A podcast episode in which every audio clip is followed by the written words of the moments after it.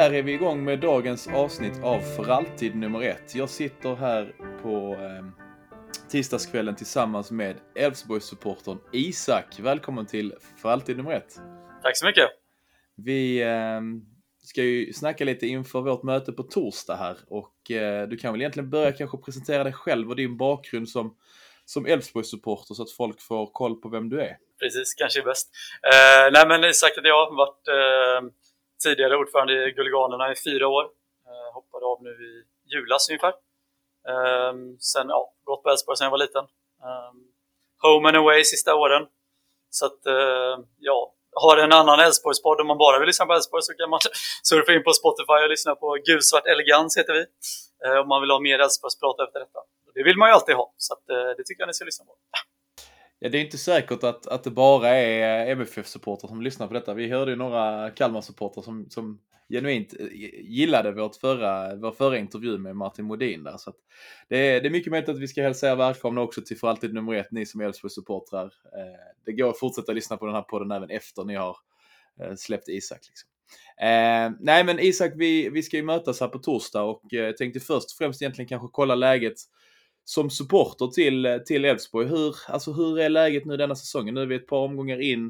Eh, hur är stämningen liksom, som supporter och i supporterkretsarna? Ja, men fram till, fram till i måndags, eh, alltså igår då, när vi, så var det väl ändå ganska positiv. Det har väl varit lite så här svajig inledning, lite upp och ner, men ändå, vi ändå, hänger ändå med i toppen. Jag tror vi är väl någon poäng bakom Ehm, och ledde med 2-0 mot Halmstad efter 20 minuter. Allt var frid och fröjd och man kände att ja, men nu har vi ändå de poängen vi behöver och få tuffa matcher mot Malmö och Norrköping där vi verkligen kan ja, men, ta någon poäng och så har vi ändå gjort en bra vårsäsong. Men uh, som alla vet så kollapsade vi ju fullständigt mot Halmstad och torskade. Så nu är man väl lite orolig för nu börjar det plötsligt ja, men så här, vi har inte råd med två förluster direkt nu mot Malmö och Norrköping. Då är vi nästan avhängda. Um, så nu krävs det ju nästan poäng här på torsdag och då uh, är ju läget givetvis lite mer nervöst och lite mer oroligt. Så att, eh, mm. Sen är det klart, vi har också hur många skador som helst.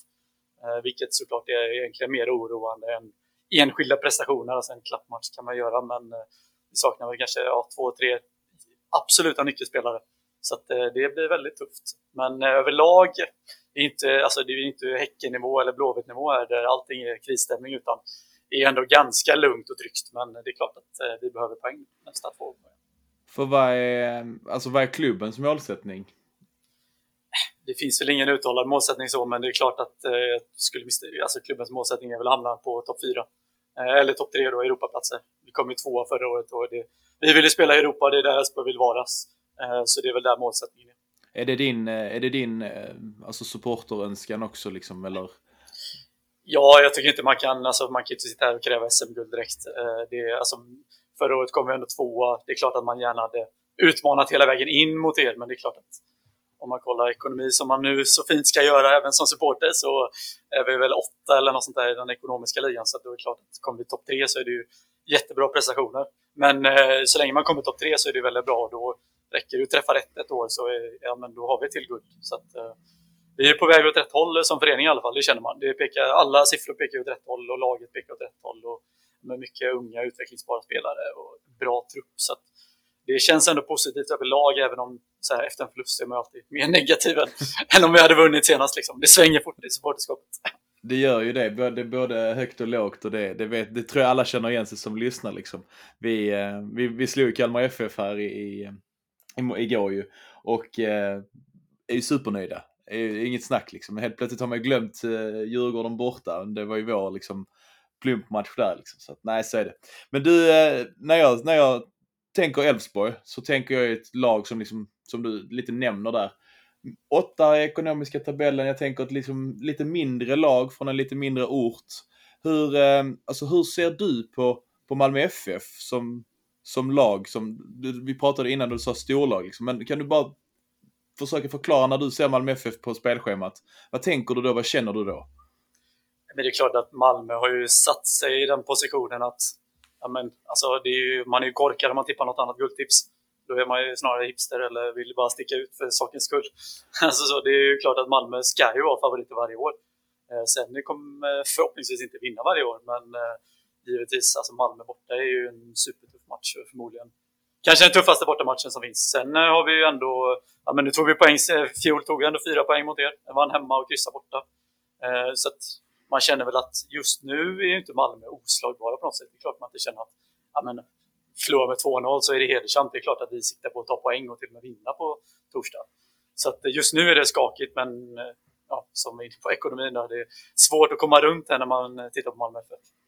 Ja, men det är ju det, och det man återkommer till, till det rätt ofta att våra pengar är, är så långt före alla andra allsvenska lag. Men, men tabellen är ju inte så, eller tab i tabellen är det inte fallet att vi är dominanter som kanske i andra ligor i Europa, vilket vi som MFF såklart önskar, men jag misstänker att du säger att det får gärna stanna så här att det finns lag som kan sticka upp som, som kan vinna lite då och då. Ja, men det har ju varit, jag har haft en del diskussioner med vissa Malmösupportrar ibland på Twitter Eh, framförallt att, ja, men just att ni kanske tänker att ni är större än vad ni faktiskt är. Det är klart att ni är ja, men mästare och överlägset rikast, men det är inte så att ni kan plocka våra bästa spelare.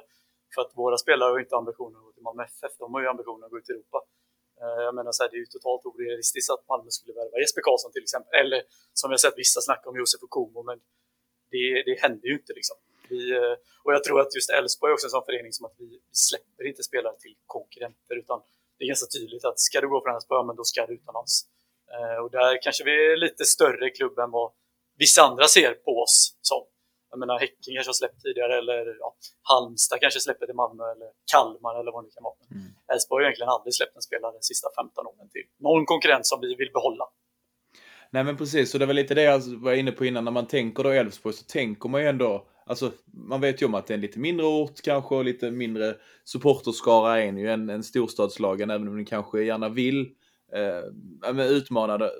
Ligga liksom lite i mellan, mellanskiktet strax där under. Vi ska ju vara den eh, främsta utmanaren till storstadsklubbarna i Elfsborgs motto. Så att, ja. Eh. ja, men precis. Det, det är väl ändå, ni kan tycka det är lite charmigt någonstans i, i, eh, i, sitt, i sitt slag. Liksom.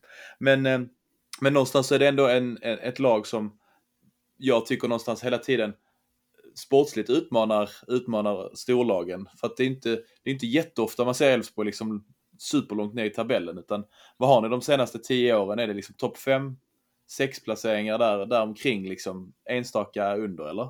Vi har ju haft ja, med några dippar senaste åren. Nu kom vi två i fjol men innan dess var det ju en åttonde plats tror jag, 12, ja, sådär, nio. Men det var ju egentligen från, alltså mellan 06 till 2015 var vi topp fyra varje år förutom ett år. Eh, och kollar man på de här, alltså kollar man maratontabell över 2000-talet så är ju Elfsborg mm. ja, topp tre liksom. Eh, och sex titlar, eh, eller fem titlar, förlåt. Två SM-guld och tre cuptitlar. Så att, det är klart att på 2000-talet har vi varit en av de absolut bästa klubbarna.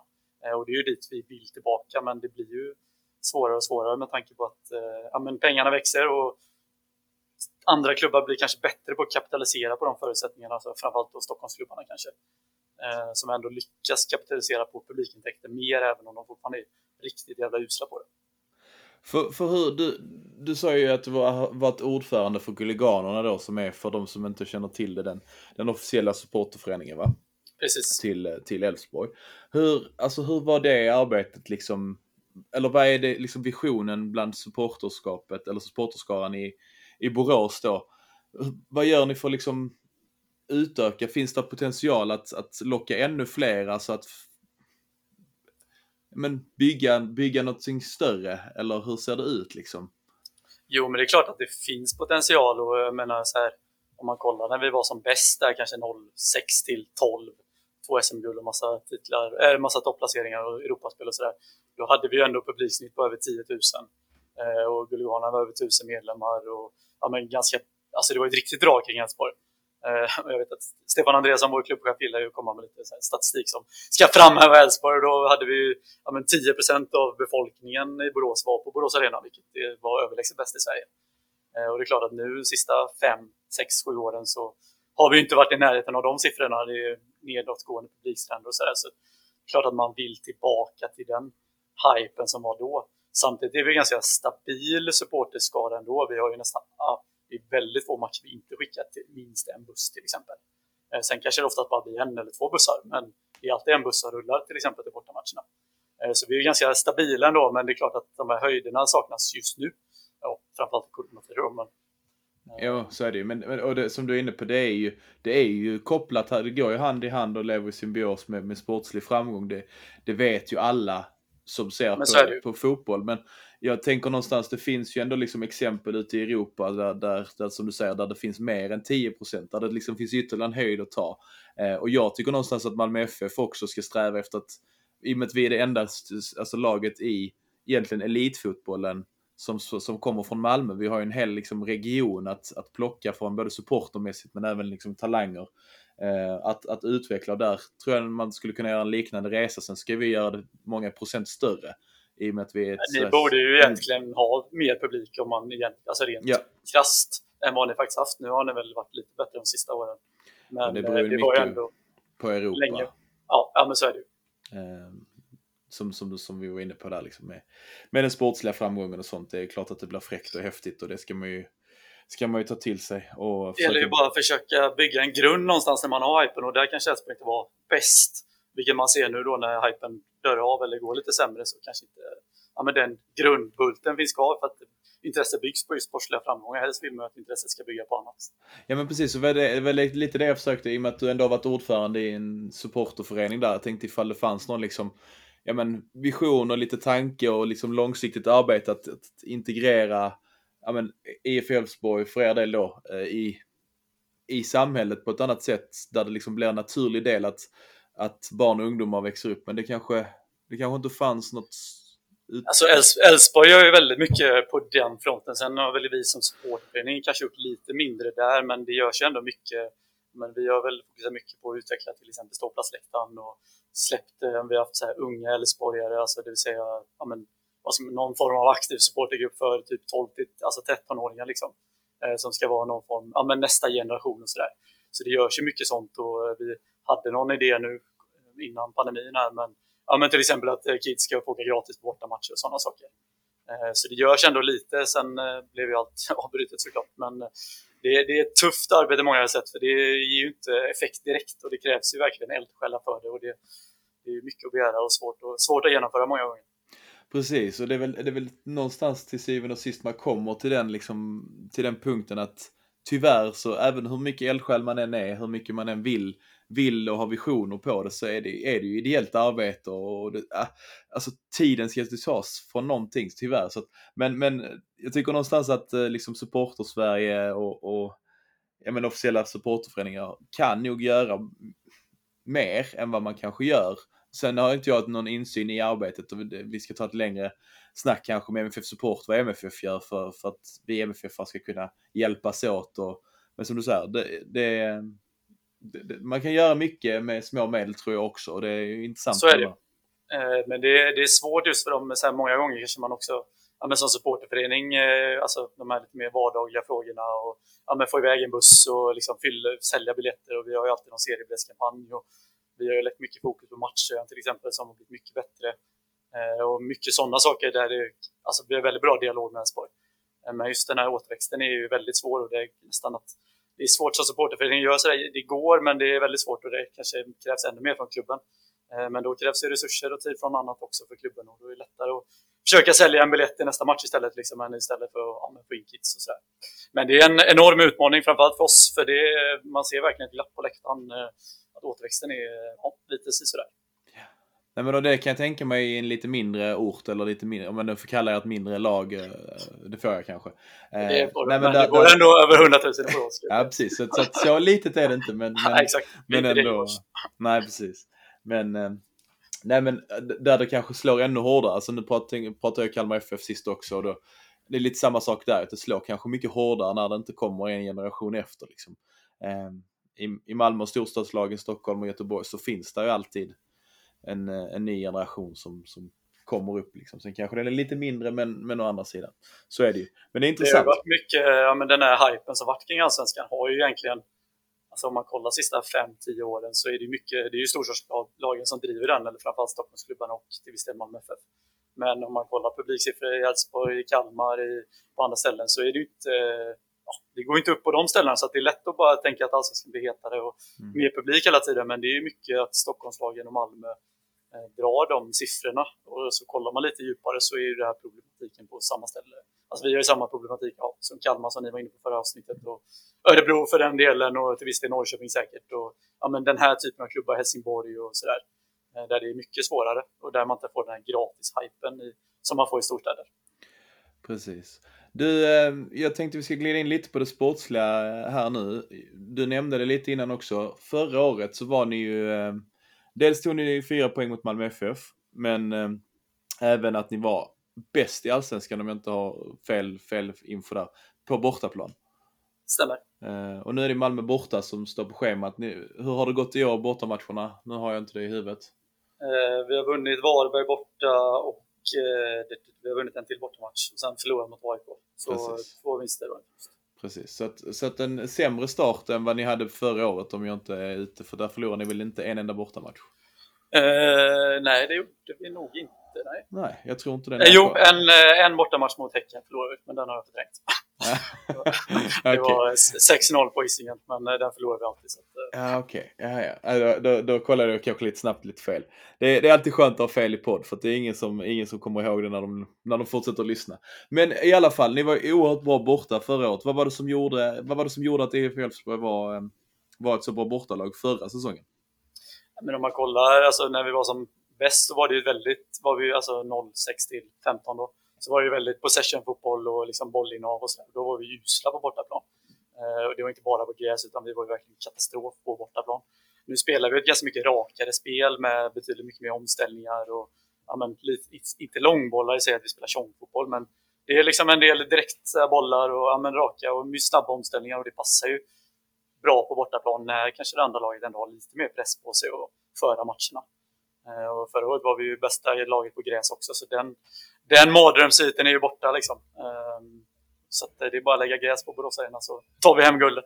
Ja precis, nej, jag tänker att jag, jag, jag tänkte skulle ta upp det men så tänker jag så nej för att du som supporter du förespråkar ju gräs. Eh, ja. Det vet vi, det har vi läst på Twitter, det, det, det, är liksom inget snack. Så för alla er som tänker varför, varför frågar Martin inte, inte Isak om, om konstgräset på Borås Arena? För det är en icke-fråga för eh, supportrarna på, från, från Elfsborgs sida. Eh, det ska läggas gräs där. Så är det bara. Eh, framförallt nu när ni börjar bli bra på gräs också. Ja men, men exakt. Eh, Nej men jag tänkte, jag vet, du, du såg ju inte Malmö FF eh, Kalmar igår. För då yes. kollade du ju på, på Elfsborg. Eh, och jag ska inte be dig liksom dra hur, vad som gick snett mot Halmstad och så vidare och liksom dra, dra, upp, dra upp djupare sår i din själ.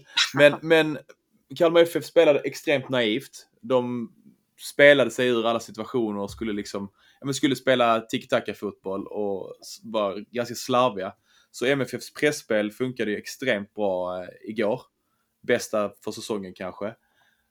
Och hur tror du Elfsborg kommer, kommer, kommer komma till matchen i Malmö på, eh, på torsdag och attackera liksom, och försöka vinna? Men vi hade väl lite tendens mot, senast mot Halmstad också att rulla, men vi kommer ju, nu kommer ju förmodligen Josef Okoma vara tillbaka från start. Eh, han var skadad och han är ju instrumental för hela vårt spel. Även det låter sjukt att vara mittback som styr offensiven, men så ser det ut många gånger i Elfsborg. Och visst, han slår någon indianare upp i gapet och kommer säkert vinna. Ni kommer säkert ta någon form av pressspel högt, men eh, han är ju otroligt bra på att spela bort press och slå ja, men, alltså, hårda djupledsbollar på våra yttrar och framförallt på Johan Larsson. Eh, så att vi kommer nog se ett Elfsborg som är ganska bra på att spela ut pressen, hoppas jag. Och få upp bollen. Och nu saknar vi ju kanske vår absolut viktigaste spelare Simon Olsson som var väldigt bra mot Malmö i fjol och även Fredrik Holst. Men, eh, så att det, det, där är vi lite sårbara centralt, men vi har ju snabba yttrar och eh, en stångande Per Frick på topp, får jag anta. Eh, så att det blir nog en hel del ligga lågt och kontra. Ja, för att jag, nu ska jag inte riva upp sår i MFF-fars själ här, men vi har ju en träningsmatch som gick käpprätt åt helvete för vår del. Så att, ja, så den att, hade äh, kunnat sluta både 6 och 7-0, så det var ju total utskåpning. Absolut, och jag tror ju att man, när, man, när Malmö FF förbereder sig så tror jag i alla fall att man sätter sig och tittar rätt så mycket på den matchen. Vad vi gjorde, som Kalmar FF kanske gjorde igår då. Det var inte lika fullt så illa från Kalmar FF igår, men det var ju ändå någonstans två rejäla bjudningar. Eh, och det räcker ju kanske mot Malmö på, på bortaplan. Så jag gissar att Elfsborg också tittar på den matchen och ser vad, vad de gjorde bra. Liksom. Ja, men definitivt. Att, eh... Men jag tror vi har ju också lite det spelet. I, alltså nu har vi snackat mycket om att vi ligger lågt och sådär, men vi är ju också ett lag som kan kliva jävligt högt i pressen. Eh, så det, det vapnet finns också. Eh, framförallt om Per Frick startar på topp istället för Marocko eller får se lite skador och sådär. Men eh, det, alltså högt pressspel är ju något som ligger i Elfsborgs spelstil också. Ja men precis, jag tror, jag, jag tror personligen det kan bli en ganska så spännande match. Eh, alltså på torsdag. Jag tror det kan bli en ganska bra fotbollsmatch. Det har tendenser till att bli det. Eh, vilka spelare i Elfsborg skulle du säga till, till de som ja, men till de som lyssnar nu som kanske inte har sett Elfsborg i år. Som kanske bara har sett den träningsmatchen och tänker att Rasmus Alm var ju riktigt bra. Han är ju skadad. Men vilka, ja, men vilka spelare i Elfsborg som, som då kan tänka starta, förutom kanske de absolut solklaraste, så Johan Larsson tänker jag då, som du har nämnt, Per Frick, är de som många kanske redan känner till. Vilka skulle du säga att man kan hålla ett öga på och vara lite orolig för som MFF när de får bollen? Liksom? Ja, men det är svårt att inte eh, prata Josef Okumo ändå, för att han är, ja, Stefan Andreasson har sagt att det är allsvenskans genom tiderna bästa mittback och det kan man ju tycka vad man vill om, det är Stefan Andreassons språk. Men eh, han är ju otroligt spektakulär och otroligt viktig för vårt spel. Eh, så att han, eh, han är ju nyckeln. Sen har vi ju de andra offensiva spelarna är ju skadade, alltså Simon Olsson, Rasmus Alm, eh, Per Frick har varit lite ut och in bänkad till viss del. Vi har haft Marocki en John som gjort fyra mål i år. Som, ja, vi får se vem som startar. Han, så det är ju en spelare att hålla koll på. Men annars, vi har en Simon Strand har ju snackat mycket om innan och så här, han får ju mycket snack om sina kort och sådär. Men i år har han faktiskt varit vår bästa spelare och egentligen bara en varning. Så det är väl någon som verkligen tagit kliv och som kanske inte andra lag har koll på alls. Än att han brukar sparka ner folk. Eh, men, men, visst har han en, en sjuk bössa också, Simon Strand, när han väl träffar så... Eh han eh, har ju gjort något frisparksmål här på första gången och sådär, så att, eh, det är absolut något vapen. Um, så att, eh, sen har vi Jakob Andrejka, 18 år, som startar på högerkanten. Uh, startat de två, tre senaste matcherna. Eh, gjorde assist senast, blir bara bättre och bättre. Talang från Landskrona Boys, så det är väl någon att hålla lite koll på så sätt. Även om man har en bit kvar till att verkligen göra impact. Så sätt. Yes, och du, nu tänkte jag vi glider över till eh, med segmentet som både jag och jag vet Gustav och Marcus eh, tycker, tycker så mycket om. Det här att fortsätta vår, eh, vi kallar det forskning, men, men det här vad, vad andra liksom motståndarsupportrar känner kring våra spelare. Jag skulle vilja veta vilka du tycker är, ehm, vilka eller vilken eh, spelare i MFF eller det får vara någon i organisationen också. Ehm, men vem som är mest underskattad. Det är ju en svår fråga sådär, men det, är för att det beror lite på hur man ser det. Men jag tycker väl någonstans kanske Erik Larsson och Sören Rex pratas ju ändå inte så mycket när man pratar om Malmö FF. Jag tycker väl ändå de två, ja nu var ju Erik Larsson bänkad senast, men eh, de är ju ändå väldigt bra spelare och bland de bästa på sina positioner, fast man egentligen aldrig pratar om dem. Eh, så där är väl två spelare. Ja, och vilken spelare eller vilka spelare eller som sagt som, i organisationen i, i Malmö FF skulle du säga är, är mest överskattad? Får man säga Daniel Andersson här, eller på att säga, men... Eh, jo, det är någon som har gjort, så att det, får, det får man lov att göra, men du får gärna, gärna lägga liksom en motivering i så fall. Ja, nej, men jag, jag tycker, vet inte om han är överskattad, eller lite överskattad kanske han är, för jag tycker han borde... Jag tycker Malmö spelar en fotboll som jag tycker att de borde kunna spela en bättre fotboll eh, än vad de faktiskt gör. Och det ligger väl lite på tränaren också, men det är ju Daniel Andersson som anställer de tränarna och sparkar tränare i partiet. Så jag tycker väl att han borde kunna göra lite mer om Malmös eh, övertag eh, än vad han faktiskt får ut.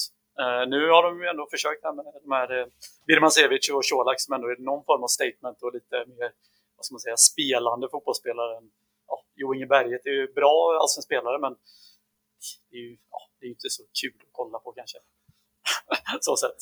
Nej. Sen behöver inte fotboll vara kul, man ska vinna, det, så mycket vet vi. Men eh, ja, ibland kan jag tycka att Malmö kanske borde ha lite mer utvecklande fotbollsspel. All right. är, det någon, är det någon spelare i truppen som, som du så direkt säger, där överskattad? Jag vet inte om han är så överskattad längre, för han får rätt mycket kritik. Men är det där Rakip eh, har väl inte direkt, tycker jag inte direkt det är någon som man sådär går igång på längre. Eh, han var fin när han kom upp och gjorde något mål där mot oss eh, hemmamatch i 95 där för några år sedan, eh, minns man ju med ja, besvikelse. Men han borde väl fasas ut kan jag väl tycka. All right, intressant. Och som, eh, som jag sagt till de tidigare gästerna när vi har haft, är att vi kommer ju försöka bolla det här lite efter istället. För att inte, inte du ska liksom behöva försvara dig och så. För att det är ju som sagt, vi vill ju höra vad ni tycker och hur ni tänker så att vi kan gå ur vår bubbla lite. Som MFF ibland och få, få lite ja, men vettiga åsikter från andra, andra håll och kanter. För att så är det ju. Man, eh, eller ovettiga. Eller ovettiga. Det, det beror på. Folk kanske sitter och skrattar där hemma. Eller så säger de ja men han har en poäng. Så att låter... Vet, hur ser man, eh, om man får ställa motfråga, hur är egentligen eh, omdömet om Frans Brorsson? För att som motståndarsporter tänker man att han både är överskattad och underskattad och allt däremellan. Ja, och det, det jag kan säga är att jag har precis exakt samma, samma, samma bild egentligen. Det är, alltså häromdagen när, vi, när jag satt så, jag, nej det kan inte varit senast, för han startade inte senast, men det måste ju varit mot, var det AIK då kanske? Ja, AIK var det nog kanske. Till och med när vi spelar. Men i alla fall alltså att hans passningsspel har blivit bra mycket bättre. Alltså att han tidigare var han ganska så liksom stabbig med, med passningar och kunde liksom slå bort bollar och sen kunde han smälla på i dueller och vara hur bra som helst i närkampsspelet. Men nu känns det som att Frans Brorsson ändå nästan har hittat alltså ytterligare en sak i sin, eller utvecklat en till sak i sin eh, i sin arsenal, liksom att passningsspelet faktiskt är lite bättre och närkampsspelet är fortsatt bra och positionsspelet känns som att det blir bättre. Men sen så kan han då göra, göra vissa konstiga grejer som du säger som gör att man tänker att han är överskattad. Liksom. Så att, så att äh, svårbedömd för hans brorson. Jag gillar ju honom ändå. Det är ju Malmöpåg och det vet du att det, de värnar vi mycket om. Det ska man göra. Sina ja. egna ska man ta hand om. Så är det ju verkligen. Så att, så att jag skulle säga att han är underskattad för hans brorson då. Kontentan av det hela. ja men det är bra. Du Isak, är det något annat nu du vill eh, Ja, du får kasta skit på MFF, du får, så får, kanske jag klipper bort det, men, men du har ju chansen här nu. Om man vill eh, lyssna på när vi eh, kastar skit på MFF så kan jag rekommendera sagt vår podd på Gustav Elegans. Vi har ett segment där vi kör inför varje match, men vad fan är det för fel och så på våra motståndare där. Så att, där ägnade vi väl en 10 minuter någon gång eh, runt 40 minuter in i senaste avsnittet och kasta ganska mycket skit på Malmö. Så det kan man ju lyssna på om man, det, om man vill. Det är skitbra. Det tycker jag absolut att folk ska göra efter när man lyssnat färdigt på det här avsnittet. För att det, det ska jag göra. Det är kul, och, kul att höra. Det, det, det, saknas ju den här pulsen och hetsen. Liksom. Det är också, ja, det också en grej liksom, att även om vi sätter oss här som två förnuftiga vuxna människor försöker ha ett bra snack om fotboll liksom, så är det ju ändå någonstans lite grann man vill ja, men bygga upp en liten så här känsla kring att fotboll fortfarande är på riktigt. För att det, det som du var inne på innan, coronasäsongen har ju både gjort si ja, det är verkligen total misär att sitta här i soffan och kolla matchen. Alltså. Mm. Det, ja, det är tungt. Ja, men vi får hoppas att det snart är, är dags för vaccin för, eh, för mig 30 plus. Jag vet inte hur gammal du är Isak. Men... Precis under 30. Men... Precis under 30. Nej, men då är det ju din tur därefter tänker jag. Och sen så uh, litet EM-uppehåll blir perfekt. Och sen så att vi får gå på allsvenskan igen i, i, i höst här. Det låter som en bra plan. Det tycker jag. Så uh, får vi ta en öl uppe på, i Borås när, när vi kommer på besök. Definitivt. Gött. Du, stort tack för att eh, du ställde upp på detta här så här sent på eh, tisdagskvällen. Var, tack för att jag fick vara med. Det var skitkul. Och därför vår triumf idag en triumf för svensk elitfotboll. Det var alltså intervjun med Elfsborgssupportern, den tidigare ordföranden för Guliganerna, Isak. Vi tackar såklart Isak för att han ställde upp eh, med intervjun, Gustav, och hälsar i sig dig också hjärtligt välkommen till dagens avsnitt. Ja, stort tack för att jag också får vara med det var ju en väldigt bra och eh, ganska lång intervju med, med eh, Isak så att eh, Nej, men det är kul att man får hoppa in här och snacka lite Elfsborg också. Ja, men jag tyckte det, var, alltså det, det som var gött var ändå att snacket var, var väldigt stort. Det var inte bara fokus matchen, eh, vilket ju förhoppningsvis gör att folk kan lyssna på det i efterhand och ändå känna någon form av, eh, av vinst och kanske lite, om man, om man saknar supporterlivet när EM drar igång liksom, så kan det ändå vara så att folk har, kan, kan ta och lyssna på detta liksom. Eh, många kloka idéer från Isak. Eh, och eh, som sagt, nej men jag, jag fastnar framförallt för, för, eh, för en sak och det var ju det här, alltså det här när, när lite mindre orter eller mindre lag, nu är Borås en hyfsat stor stad, men det här att, att de har ändå ganska svårt när återväxten när återväxten inte faller sig naturligt, när det inte finns en annan generation, vilket vi i Malmö, Malmö FF och Malmö som stad är ganska så, så eh, bortskämda med kanske att det kommer alltid komma en ny generation. Sen kommer den kanske vara lite mindre, lite större. Men ur ett supporterperspektiv så har Malmö FF egentligen alltid mycket gratis så länge det inte är ett annat lag i stan liksom. Och det tror jag vi glömmer jävligt ofta att vi, vi sitter på en jävligt skön en skön stol, en skön sits, eller vad säger du Gustav om just den biten liksom? Nej men jag håller med och, och jag tycker att ni är inne på en bra sak i samtalet där också när ni pratar om att vi ser förvisso ett uppsving nu, eh, eller precis innan Corona såg vi ett uppsving på läktarna igen nationellt i hela Sverige.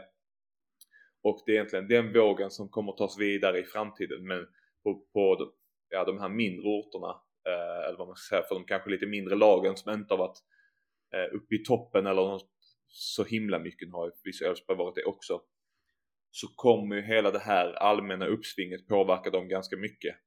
Eh, skulle jag tro i alla fall. Eh, och det är viktigt för dem att de lyckas kapitalisera på det och, och lyckas engagera staden som helhet. Liksom.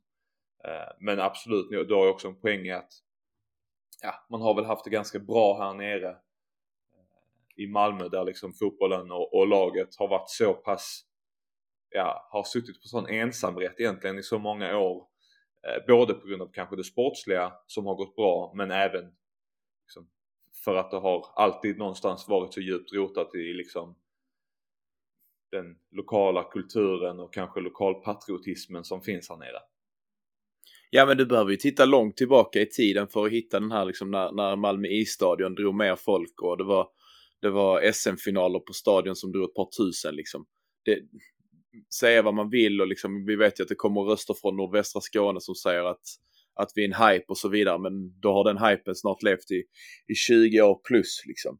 Eh, och det är någonstans tycker jag ändå signalerar ett, ett värde som du säger att vi har vi har ensamrätt på, på många, många supportrar och många individers liksom liv som, som viger åt Malmö FF och det ska ni som lyssnar ha, ha all eloge för att ni, att ni såklart ställer upp för MFF i alla väder och, ehm, och, och går på matcherna liksom.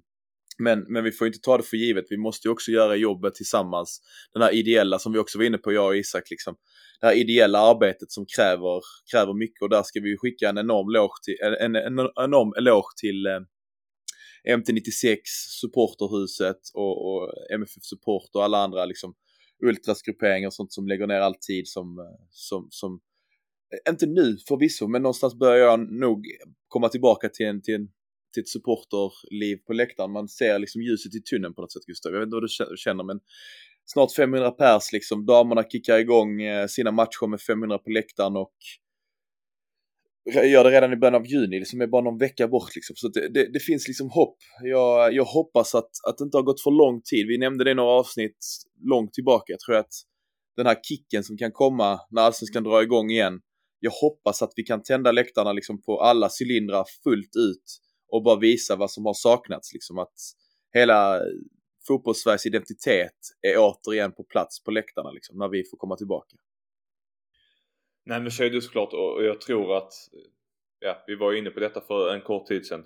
Men nu när vi närmar oss, jag tror förvisso att vi kommer, vi kommer att gå in i någon slags vägg första, första matchen. Att man kommer komma in och, och, och liksom inte riktigt, man kommer inte veta på något sätt hur man ska bete sig. Folk kommer vara övertända eh, och, och hela den biten. Men så, så snart det har lagt sig eller så, så snart man har hittat sin, sin plats eller sin roll igen, eller vad man ska säga, så tror jag att vi kommer tror och hoppas att vi kommer komma tillbaka och komma upp ytterligare ett par nivåer i liksom inte bara ståplats eh, och den kulturen som finns där utan runt om hela arenan och eh, ja, runt om i hela Sverige att, att det blir liksom den utväxlingen man vill se och, och att ja, precis som ni var inne på att nästa generation får en naturlig plats och en natur, naturlig del av, av den kulturen. Liksom. Ja, nej, men eh, 100 procent och jag tror också den här att, att som jag, som jag nämnde för Isak, liksom, jag tror att den respons som vi har fått på de här inslagen med supporterintervjuerna är ju, är ju helt unison i att det är ett bra inslag och jag tror det bottnar mycket i att det blir någon form av rivalitet som ändå på något sätt anpassar sig till supporter, alltså, eller tv, tv, tv-livet liksom. Den är väldigt lugn och sansad och det är samma sak att se matcherna på tv. Okej, okay, du brinner till och skriker i frustration en kort stund. Sen kommer du på dig själv att du sitter i en tv-soffa och, och kan inte ha samma känsloutlopp som på läktaren.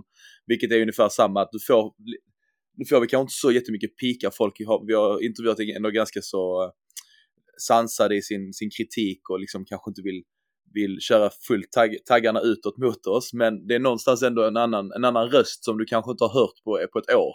Vilket jag tror är, är det som gör att folk uppskattar det. Ehm, nej men vad säger du Gustav, ska vi, ska vi ta matchen mot Elfsborg eh, som vi idag, när folk hör detta, spelar mot i, imorgon?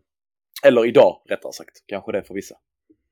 Nej men det är väl det enda rätta. Vi har haft en, eh, vi har bottnat detta med en, en lång och bra intervju som sagt som tog upp ganska mycket så att det är väl bättre att folk får lyssna på den eh, själva och bilda sin egen uppfattning och, och sitta och hålla med hemma i soffan eller ute på promenaden eller vad man nu är. Så att, absolut, vi går in på matchen. Det som jag tänker på där Gustav, i matchen, som jag gärna vill se Malmö FF göra, som jag funderade på i, idag efter att jag hade pratat med Isak igår. Det var ju, det är ju det här att han, han nämnde ju inte Johan Larsson som, eh, som en av de spelarna att hålla koll på. Och jag tycker någonstans att, att låser du Johan Larsson i, i någon form av uppspelsfas, för hans inläggsfot är ju, ja den är kanske bäst efter Sebastian Larssons fot liksom i Allsvenskan. Låser du den och inte får till inläggsspel från Johan Larsson när de har sitt etablerade anfallsspel så tror jag de har mycket vunnet. Eh, sätt Birmasevic på, på Johan Larsson, man-man-markering eller något i den stilen. Just för att då, då låser, du, låser du ett inläggsspel, då blir eh, en John i boxen lite mindre farlig. Han har gjort ett mål på straff, han har liksom slått in en hörnretur. Eh, och sen är det ett inspel, ett instick från, från, från plan om jag inte missminner mig. På det jag såg inför liksom på en Johns målskörd. Eh, så att någonstans så tror jag att, att eh, Elfsborgs raka spel, direkta spel, kan bromsas rätt mycket med att man, att man låser Johan Larsson som jag ser som en av de bästa spelarna i, i det laget. Eh, sen är det självklart Per Frick gör extremt många poäng och mål och assist förra året. Eh, men det, det är något sånt, en anfallare är alltid liksom svårare att radera ut från det taktiska. Eller vad säger du om, om den, den tanken? Nej men det är väl absolut inget eh, särskilt anmärkningsvärt egentligen att säga att Erik Larsson, förlåt, Johan Larsson är kanske deras absolut starkaste spelare och där, där man måste se upp för att det han visar upp konstant också, det är liksom inte bara de här som många ytterbackar har, de långa svepande inläggen, utan han slår ju den assisten han gör till Ockels nu mot, mot Halmstad till exempel är ju en det är ju en, en, en inspelstyp man inte ser särskilt ofta. Den hårda, nästan, ja, nästan vristskottet som skär rakt igenom straffområdet. Som de flesta som har spelat fotboll vet är jättesvåra att försvara sig mot för att tar den på någon så kan den styrs den troligtvis mot mål och med den kraften så, så är det liksom svårt för målvakten att ställa om på en riktningsförändring. Så att det är absolut jätteviktigt att låsa den spelaren så tidigt som möjligt om det är Birmancevic eller om det är Knudsen eller om det är Pavle Vagic som, som går ut och kanske tar den eh, tar den duellen eller tar den markeringen när det behövs men, men poängen är att det måste tas. Eh, det är inte en spelare de har andra spelare som du är inne på som kan vara farliga men någonstans är det där grunden är liksom. Ja absolut och jag, jag, tror ju någonstans också att, att spelet som Elfsborg vill spela är inte alls likt Kalmar FF men det är ändå väldigt likt. Uh, vi, de, de kommer också försöka spela upp sina bollar på ett visst sätt när, eh, alltså när, när de får chansen. Sen kommer de spela rakare än Kalmar. De kommer våga sätta den långa bollen vilket gör att MFF-försvaret behöver liksom både, både hålla koll på att kunna gå upp och stöta och falla, falla bakom. För vi står ganska högt med vår backlinje. Så att, så att eh, det är ganska skönt och befriande att Rasmus Alm inte spelar. Det är en otroligt speedig spelare som inte kommer till start. Per Frick är också rätt så rörlig och, och jobbig att hålla koll på. Men, men någonstans tänker jag att, att det jag har funderat på under dagen Gustav, jag vet inte vad du tänker, men Ola Toivonens vara eller icke vara i starten mot Elfsborg? Eh, men jag tyckte ni eh, snackade väldigt bra om det senast. Eh, och jag tycker det har varit ganska många som har pratat om just det här med, med ACs fördel just den här matchen. Det är, ACs pressspel är ju på en helt annan nivå mot, mot Kalmar. Kalmar som, även om man kanske tyckte var lite naiva, de vill spela sitt spel för att de kommer kanske straffa lagen som är under vår nivå med att spela det spelet. Men Elfsborg kan jag tycka att där kanske det nästan är bättre att ha AC lite längre ner i banan och ta det, sitt defensiva jobb lite längre bak och så släppa, eh, släppa in Toivonen. För att jag tycker inte att, att det jag sett av Elfsborg så är inte deras, vad ska man säga, defensiva uppspelsfötter lika liksom, aktiva och har inte samma rörelsemönster som till exempel Kalmars. Nej men nu hade de ju inte ehm, och Okumo med senast väl. Han var väl fortfarande borta då. och ryktas att han kan vara på väg tillbaka till den här matchen enligt Isak. Och han har ju fötter som är bättre. Jag vet inte om du kommer ihåg målet mot, eh, mot Elfsborg förra året, men där kommer ju AC extremt högt i en första press som tvingar ett dåligt tillbakaspel till målvakten som sen skickar den rakt upp på fötterna, en riktig bjudning som AC bara slår in liksom. Så att jag hoppas ju någonstans ändå att man tittar på det och ser att okej, okay, även Elfsborg har tendenser som Kalmar FF har, som jag sa innan, att, att de kommer inte spela på samma sätt. De kommer inte rulla ut i absurdum tror jag. Men de kommer ju sätta några, försöka sätta några raka bollar och lite, lite mer eh, attackerande och då tror jag ändå AC kan vara bra att ha i ett pressspel längre fram. Um, och jag tror någonstans att det gör inte så jättemycket om Ola Toivonen vilas de här sista tre matcherna. Um, han är ändå 35 och ska spela Europaspelet sen där han kommer bli helt ovärderlig med sin rutin i, i längre fram i Malmö FF säsong. Liksom. Så att jag tror att så länge man, man bara pratar med Ola på rätt sätt så tror jag inte han har några problem heller att kanske vila nu. Eh, om det skulle vara så. Sen kan han spela mot Örebro såklart, men det är konstgräs och han kanske inte föredrar det själv. Men en sak jag tänkte på just med, med AC och eh, Ola, också den, den som kommer att starta på vänsterkanten är ju Birmancevic. Där tycker jag att även om han fick lite kritik efter förra matchen på grund av ja, de slarviga avsluten och, och liksom slarviga mottagningarna eller vad man ska kalla det. Så tycker jag att den speeden han erbjuder på vänsterkanten kan bli väldigt, väldigt bra att utnyttja just mot Johan Larsson som kommer vilja trycka upp. Eh, de snabba omställningarna på vår vänsterkant. Det kommer finnas ytor där och då är det bra att ha både på något sätt kan jag tycka AC som kan slå bollen lite längre bakifrån. Men även Toivonen som har en helt annan förmåga också att slå den högt uppifrån. Och det blir ju lite skillnad om man tar liksom AC och Erdal, även om Erdal är jättebra. Eh, överskattad enligt några kanske. Så, så, eh, så blir det ju en annan precision och en annan kvalitet på, på AC och Ola. Så där tycker jag ser en vinst i att ha båda de två på planen också. Sen så kräver det ju såklart att, att eh, Birmancevic har tränat lite mottagningar och kanske liksom fått några, några instruktioner om att ta, ta liksom två, tre tillslag innan han försöker sig på ett skott eller en passning liksom. Men eh, ja, Elfsborgs styrka i Johan Larssons offensiv är väl kanske också en viss risk i defensiven att han kommer finnas lite högre upp och tar man liksom Velko mot eh, André Römer som är väl deras defensiva nu efter eh, han Heltne Nielsen lämnade så tror jag att vi har eh, eh, ett övertag där i både löpstyrka och löpkapacitet. Så jag är inte, jag är inte 100% säker att, att eh, Velko startar. Det skulle kunna vara att man vill ha någon som, som kan kommunicera lite eller förstå kommunikationen lite bättre bakifrån med tanke på att det kommer krävas en hel del, en hel del att hålla koll på Johan Larsson och, och deras högerkant. Sen är ju inte deras vänsterkant usel heller. Så det är nog att Malmö FF kanske får välja var man vill styra det. Och som vi sa innan inledningen, Johan Larssons facit förra året med, med, med en eh, sex eh, assist har jag för mig och, tre mål. Det säger ju en del från en höger ytterback i ett lag som kom tvåa.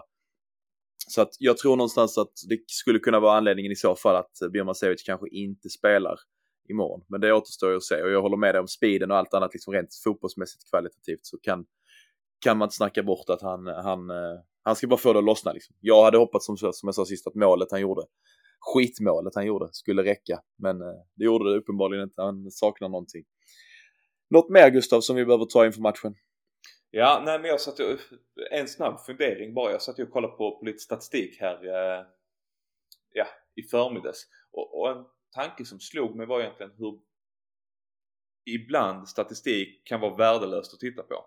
För att om man tittar på, på det Elfsborg vi mötte för två och tre år sedan så är det enorm skillnad. Så att visst, vi, man, vi kan säga att ja, men vi har vunnit med 6-0 och vi har vunnit med 4-1 mot Elfsborg senaste, senaste tre åren bara. Men man måste komma ihåg att det är två helt olika lag som, som står på banan nu liksom. Det går inte att jämföra med ett lag som hade, vad heter han? Andreas Randrup tror jag lirade i någon av matcherna och han, han var ju för kass för Helsingborg. Så att jag la ner det projektet ganska snabbt. Och egentligen om man ser till senaste tiden så har ju Elfsborg varit ganska tuffa för oss. Så att eh, jag tror på samma sätt att det kommer att bli en väldigt, väldigt tuff match här nu imorgon eh, eller torsdag för er som lyssnar på denna. Så att eh, men, men på något sätt så finns det svagheter. De har väl inte inlett lika starkt i år som de avslutade fjolåret liksom. Eh, så att det finns Men- svagheter och hål att utnyttja. Och sen är, det, sen är det en annan sak, du, vi som gillar statistik när den passar. Det är ju att den, den eh, liksom inbördes tabellen för um, topp 8-lagen, om du kollar liksom de topp 8-lagen som har mött varandra, så, uh, så ligger Elfsborg sist. De har två förluster mot AIK och mot Djurgården. De har gjort noll mål och de har släppt in tre. Medan Malmö FF då har spelat tre matcher, vunnit två och förlorat, förlorat en mot Djurgården som, som toppar den liksom, interna tabellen med två och ett halvt poäng i, eh, i poängsnitt. Så att det är ju starkt av, starkt av Djurgården ska vi också säga där. Att, att inte ha förlorat ännu mot, mot någon av topp 8. Och sen så då samtidigt som Elfsborg förhoppningsvis får sin tredje raka förlust. Att vi kan, eh, kan vinna på, på, på match, eller imorgon. Ja, men jag skulle precis egentligen bara avsluta med det också att det är ju faktiskt ett, ett småstukat Elfsborg vi möter. Eh, det var ju en, ja, som Isak vinner på, en tung förlust senast mot Halmstad där man liksom går ut och gör två mål första 15 minuterna. Eh, och sen faller ihop och släpper in tre mot Halmstad hemma. Det är ett ganska tufft, ja, en ganska tuff statistik eller vad man ska säga, ganska tuff match att, komma från. Så att eh, ja, det ska bli intressant att se liksom hur de förändrar sitt spel för att jag tror inte att de kommer gå ut som ett Elfsborg i toppform som flög hela förra året och, och spela på samma sätt utan de kommer ju nog göra ja, med små justeringar till, till den här matchen. Liksom. Absolut tror jag det är så. Och ehm, jag vet inte om du har något mer att, att lyfta så här inför matchen. Vi hoppas ju såklart att, eh, att den här liksom extra omgången, det är omgång 13 om jag inte är helt ute och cyklar. Vi spelar i, i, i den här matchen liksom. Och det sa vi även i eftersnacket jag och Marcus att, att det är extremt skönt att vi kanske har den här extra matchen. Det beror ju på hur det går. Det är alltid lätt att sitta och säga innan att det är skönt. Torskar vi den så, ja då är det jobbigt att vi redan har spelat omgång 13 liksom. Men, eh, men jag hoppas ju så självklart på en seger. Men eh, jag håller med om dina tankar liksom att det kan bli väldigt skönt och det kan ju bli att den här ja, som vissa vill få till fiaskoartade inledningen faktiskt innebär att vi, vi står som serieledare även om vi kanske har en match mer spelad. Eh, så att vi håller väl tummarna och, och eh, ser fram emot att och snacka lite imorgon kväll. Vi säger tack för att ni har lyssnat på dagens avsnitt och vi hörs igen efter en seger mot Elfsborg. Ha det så gott, Sarvi, hej! Ha det gott, hej!